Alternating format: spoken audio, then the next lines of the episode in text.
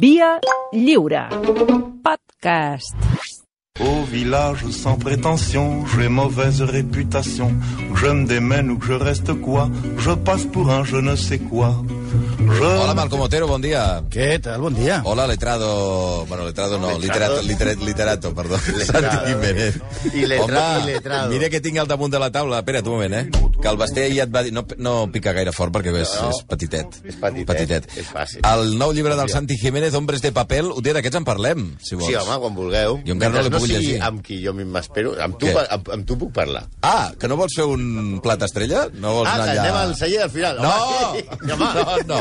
Sí, anem al no. celler, sí. El perfecto. Estic per escriure un no, No, Un cada setmana, si cal. Bueno, ja parlarem d'aquest Hombres de Papel, la novetat editorial de Sant Jordi, de Santi Jiménez, que, en fi, ja sabeu que... Qu- Quan surt?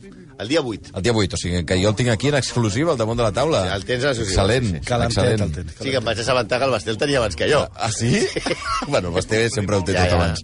Eh, M'agrada molt la teva foto, eh? Que t'han Ah, posat aquí. M'agrada molt la de portada, que ets una mica tu. No, sóc jo. T'assembles molt, Bueno, sí. amb els cabells més curts.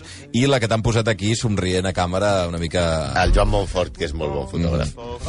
que ha arreglat tot el que no es podia arreglar. eh? Exacte. Vale. Va, anar, anem, anem, anem, Setmana Santes.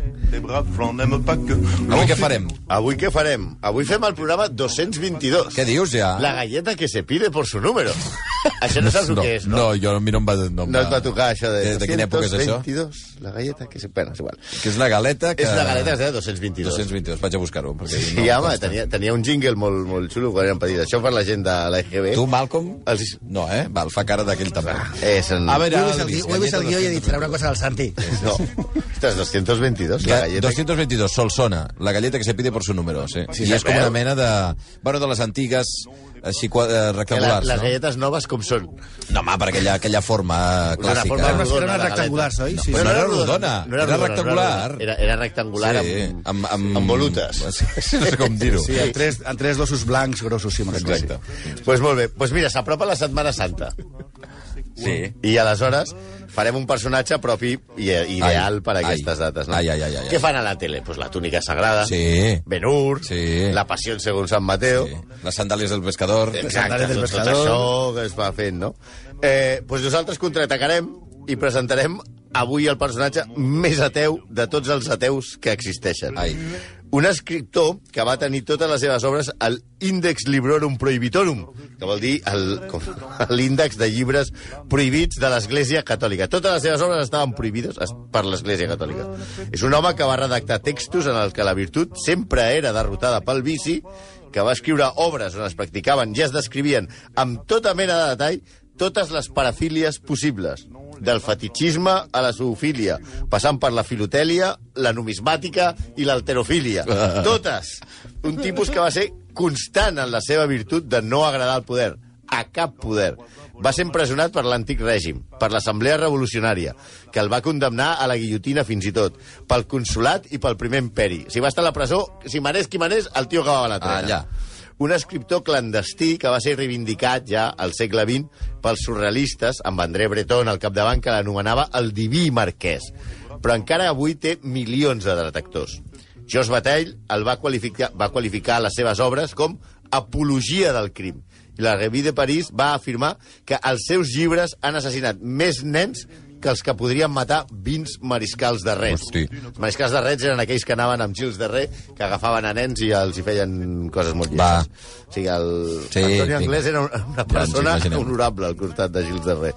Un home que ha passat indubtablement a la història com a precursor del substantiu sadisme. Hombre, Sí, quan tu ja parles de sadisme, ell li va donar el nom.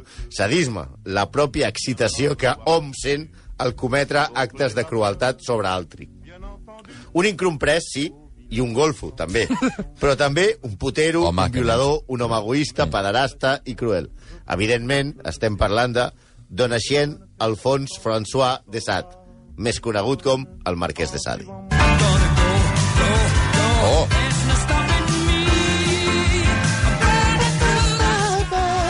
I clar, tremenda cançó. aquesta cançó és molt bona, Tremenda però cançó. és tan bona que no té res a veure amb el nostre personatge. Home, una mica sí. Que No, s'entén, No puc, no puc parar. Clar, s'entén, no, s'entén si veus les imatges, però com que això és ràdio tampoc... Quines imatges? Les de- Les imatges del vídeo... És un vídeo de YouTube. Del, del Les videoclip? explicarem. Sí, les explicarem. No, del videoclip no. Ah, no, vale. No, l'explicarem. Es tracta de el, el lip dub que van fer amb aquesta cançó de Queen els alumnes de ESADE Què? del 2010. Ah, Tu saps el que te'n recordes, el Slip Dub? Sí, és una cosa molt que va durar 3 mesos. No? Sí, sí, pues, el- els alumnes de SADE el van fer amb aquesta cançó. Ah, Clar, que era llavors- ballar i fer veure que cantava. Vull dir, era un... I anar, I anar passejant per les escales. Ah, sí, sí, és veritat, és I veritat. al final acabava tothom un... I clar, és que nosaltres, com que preparant el personatge, ens adonen que la gent confon Marquès de Sade com el Marquès de Esade. Ah! No volíem, no volíem que el, que, la, que el nostre favor, personatge... No entès res. Clar, Sí. que el que no es confonguis el nostre personatge com el fundador de la prestigiosa Escola de Negocis de Barcelona, que és la masia dels pitjors presidents del Barça, i d'algun jugador de, de handball descarriat. Dit això, anem al nostre pollastre, que aquest sí era de la part alta, com Esade, altíssima de la societat francesa. La seva era la família més noble i antiga de la Provença, i estava emparentat amb els Borbons. Ojo! Ep. Ojo! Això explica molts comportaments dels seus descendents i parental general. Sí, home. El nom de pila havia de ser Luis Aldons Donatien. Aldons? Aldons Donatien, es devia, s'havia de dir. Però es veu que el capellà que el batejava era dislèxic i el va inscriure com a Donatien Alfons François. Ah, sí? Sí, És culpa del capellà. era dislèxic, sí. De fet, va tirar, va tirar el nen a la pica Iau. de tirar-li l'aigua amb ell. No sabia. Es liava, l'home es liava. De ben petit va ser educat juntament amb el príncep Lluís Josep de Borbó, sí que eren família, i després la seva formació va quedar encarregada a un germà del seu pare, un abat molt respectat que es deia Jacques-François Paul Aldons de Sade, no de Sade. Un home savi, un escriptor, que, que, va, que era molt famós perquè era el gran comentarista de l'obra de Petrarca. Però també era un llibertí bastant afamat i molt potero. Amb el tiet Jackie, el petit Donatien va començar a descobrir aquelles petites coses que t'alegren la vida. Sí, a part d'aprendre a moure el llom, que això ho va fer bastant bé, Donatien va eh, adquirir una cultura enorme. Parlava quatre idiomes, eh? a més de, a part del llatí. Sabia de música, teatre, escultura, pintura o teatre. Però, Ja l'has dit, eh? Però com a... Bueno, teatre, te, te, teatre clàssic i teatre modern. Ah, d'acord. Sí, sí, I musical. Però com que el cos li demanava en marxa, es va apuntar a l'exèrcit en només 14 anys. Sí, als 14 anys ja sabia de tot això que hem dit ara. I ara els de l'ESO us, us estareu preguntant què carai he fet a la meva vida. Però bueno, tranquil, que ell no sabia jugar al LOL.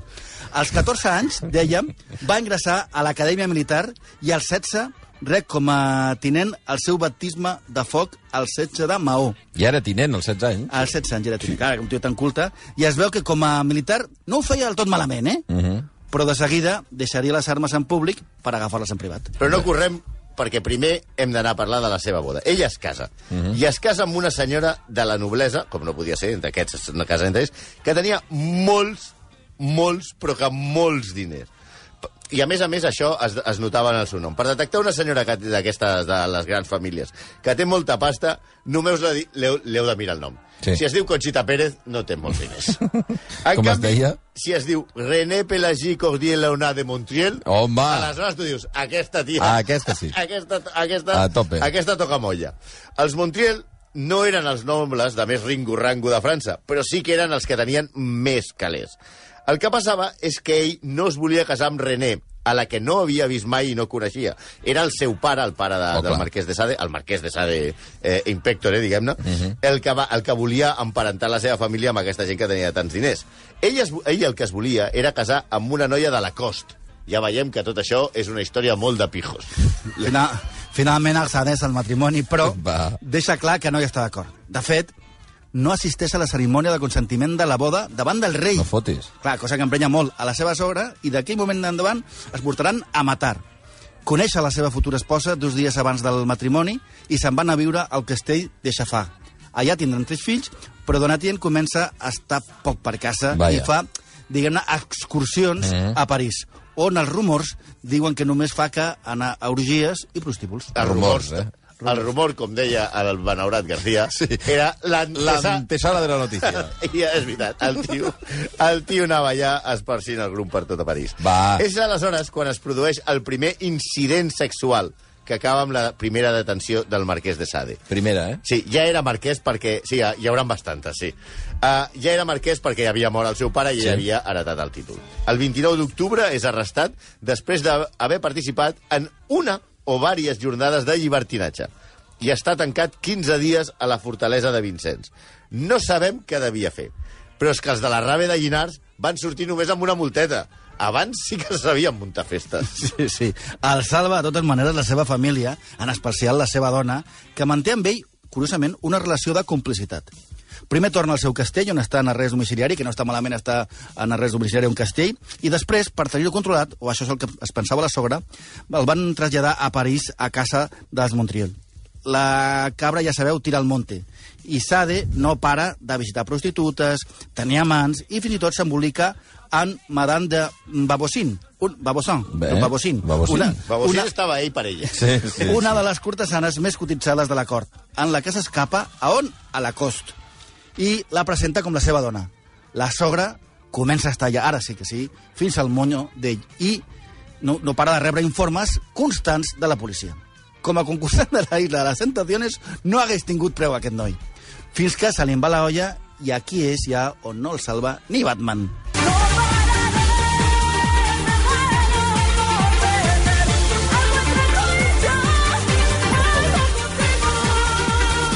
Això de ho ha Sí, sí, sí, també sí, más sí. fuerte. De la pantera de Figueres. Sí, senyor. Una gran dona. Sí, sí. Uh, crec que va ser la primera presentadora de la Isla de les Tentaciones, em sembla. Ah, sí? No ho recordo. Espera't, ara ho miraré. Em sembla que sí. Figueres Panther. Sí. Aleshores, eh, ell, eh, diguem-ne que se li va anar la olla, i es produeix el primer gran escàndol, a part d'aquell que havia tingut, que l'havien detingut 15 dies, el que es coneix com l'escàndol Arquel. El diumenge de Pasqua de 1768, Sade contracta a la plaça de les Victòries de París els serveis d'una prostituta, que era una pobra dona, que és una joveneta que estava demanant almoina pel carrer i que exercia la prostitució, i se l'endú al seu domicili d'Arcuell. Allà la lliga, la viola i la tortura encadenant-la i fuetejant-la. Ella, en un moment, aconsegueix escapar-se del turment i es presenta feta un cristo, desfeta, sagnant a la policia i denuncia el marquès de Sade. Ell adueix, al Moljetes, que només volia comprovar si un ungüent que li havien venut uns gitanos i que li havien recomanat curava les ferides, eh, si, si funcionava quan curava les ferides de, de fuetejades. I aleshores el tio va dir, clar, no l'anava a provar amb la meva dona, que és família. Agafaré, agafaré aquí a la primera que passo, l'agafo i, i la, la, la pallisso i li poso l'ungüent. Per aquest incident va passar només set mesos a la presó. Ni que el jutge fos el de la manada. Però la sortida de la presó la torna a liar. Sí, perquè arriba el conegut com escàndol Marsella. Ja veiem que tots tenen com noms de casos de corrupció de l'Audiència Nacional, eh? És que operació policial. Exacte. Pues l'escàndol Marsella és una orgia que va acabar molt malament. Així narrava l'escena Guy de, Ma de Massillon i nens, si plau, aneu a jugar. Ah, per favor, nens, eh, ara... I això ja és...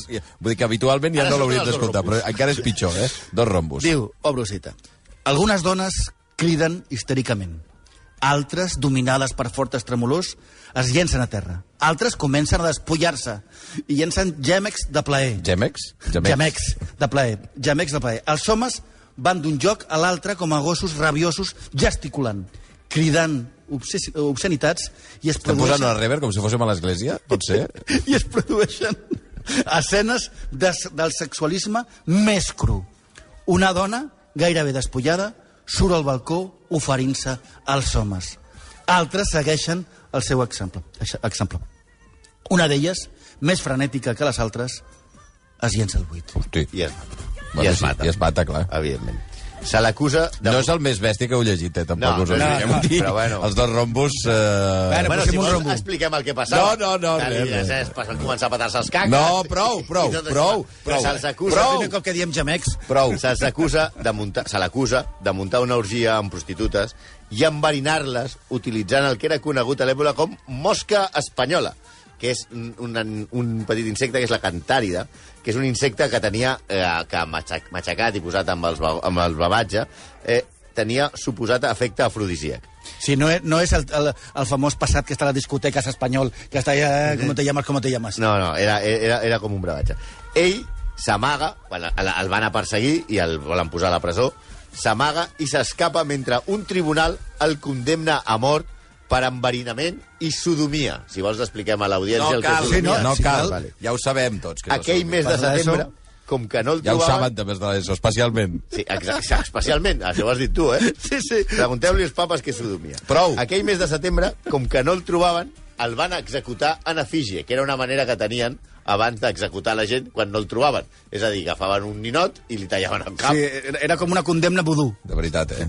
Bueno, però en aquella època ell s'amaga, probablement a Itàlia i Espanya, però també al seu castell, on la seva dona René, com ja hem dit abans, el protegeix. Bé, el protegeix i alguna cosa més, perquè és l'època en, en la que es produeix l'anomenat incident dels adolescents. El matrimoni contracta cinc noies i un noi del poble, menors d'edat, els que prometen feina al castell, però els que sotmeten a esclavatge sexual.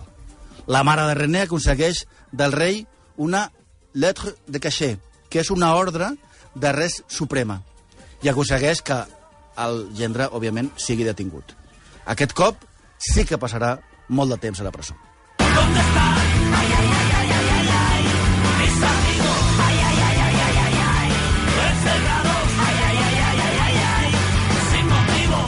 Vosaltres mateixos. Està en moltes presons, molts anys i moltes presons. Aquest, aquest, aquest temps, que no serà l'última que anirà a la presó, està 13 anys a la presó. A la presó de Vincennes passa incomunicat 4 anys i mig sense veure a ningú més que el carceller que li porta el menjar. La seva dona intentarà molts cops anar-lo a visitar i lluita per tal de que es revisi el seu cas. Creu que gràcies a les influències de la seva mare han exagerat els càrrecs, que no Sí, hi ha per tant, sí, sí. i que, i que hauria de sortir. Fins i tot planeja eh, des de fora la seva dona varis intents de fuga perquè el marquès de Sade s'escapi de la presó de Vincennes. A la presó és on comença a escriure les novel·les que anirà passant a la seva dona, Té temps, té temps. sí, Home, sí, això que sí. finalment l'aconsegueix visitar i aleshores ell li va donant els manuscrits de les novel·les que el faran cèlebre. El, a principis de 1748 tanquen la fortalesa de Vincennes i el traslladen a la Bastilla, on s'enfronta el carceller i el governador i incita a les masses que estan preparant el que seria la revolució des de la seva cel·la. Utilitzant com a megàfon el tub que tenia per defecar... Què dius? Sí, el defecatú. Sí, eh, de, de fet... Sí, per favor.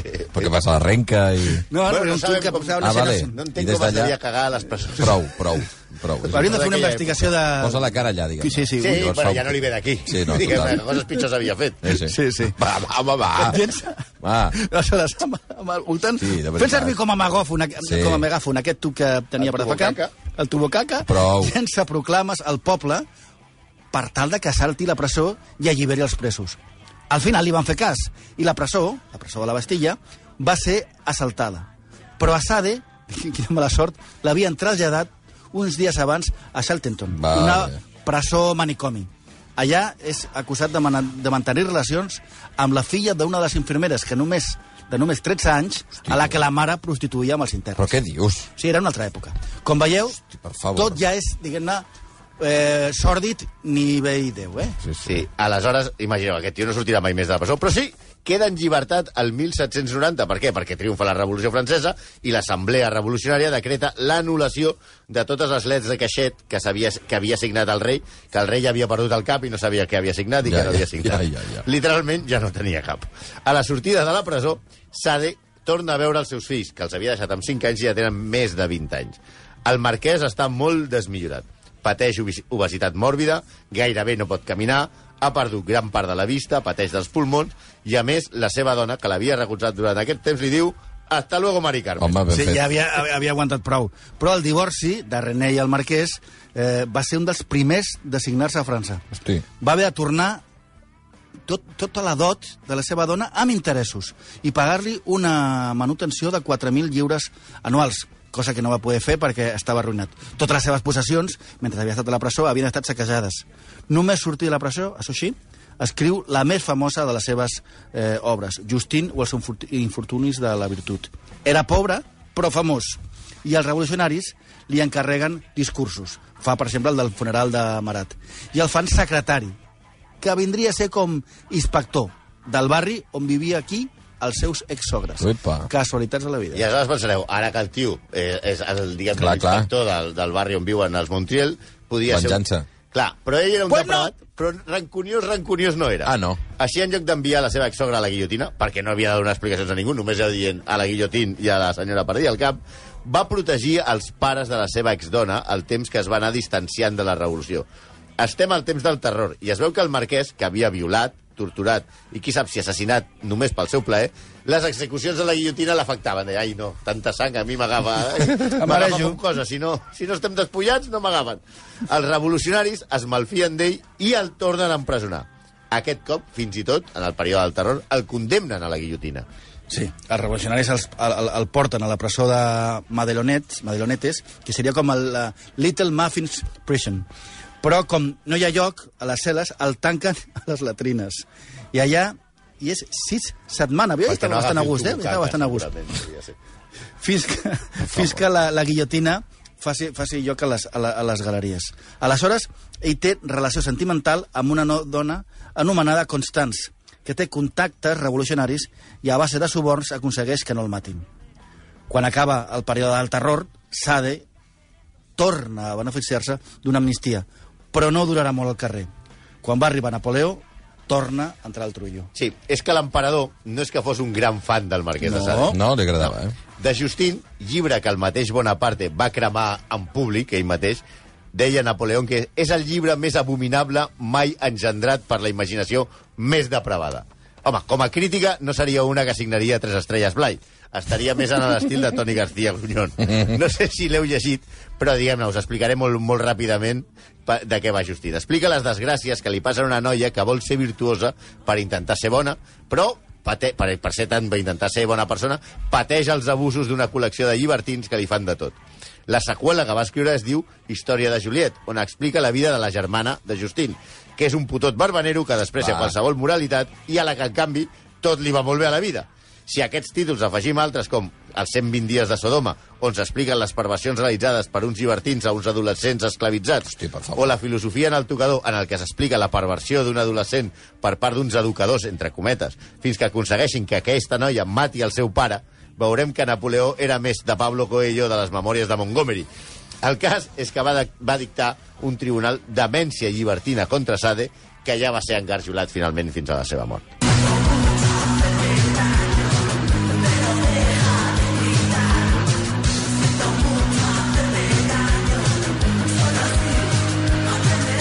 Siento mucho hacerte daño, pero solo así aprenderás, diu, eh? Exacte, això és el que canten Paràlisis Permanente. Hombre, Que, con, que consti que aquí el que venim és a explicar la vida d'aquest senyor i no jutjar les pràctiques sexuals de No, ningú. Que fer el mai. que el vingui en canes i mai. estan d'acord.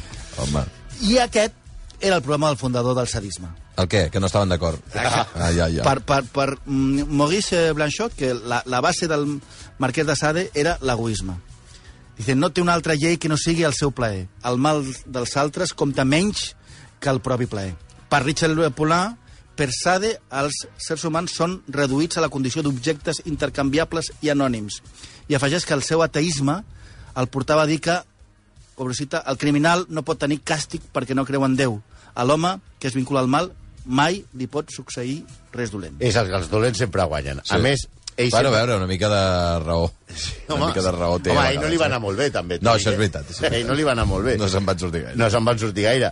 A més, ell sempre parla des d'un punt de vista masculí, cosa que l'escriptor Andrea Dworkin el veu com el pornògraf típic que odia a la dona. Però també hi ha altres versions que el defensen, com la, la Maria Concepción Pérez, que va escriure un llibre que es diu Sade o el eterno proceso, en el que afirma que un de les grans errades al llegir a Sade és precisament prendre-se'l massa seriosament. Ah, no sé que tingui res a veure amb l'escola de negocis que fabrica presidents del Barça. Aleshores sí que no tindria... Clar, perquè si, és el, mar si, el, si el marquès és de sadisme, els que estudien a SAD són esadistes. És sadistes, segurament. O esàdics. No, és sàdics no. Les 11 i 10 minuts... Han convertit el Camp Nou en les cueves del Sado. La musique qui marche au De veritat, eh? Va, les 11 i 10 minuts, gràcies, execrables. Vinga. Aneu amb, aneu amb Sade, aneu amb Déu, no? Sauf les aveugles, Setmana Santa. bien entendu.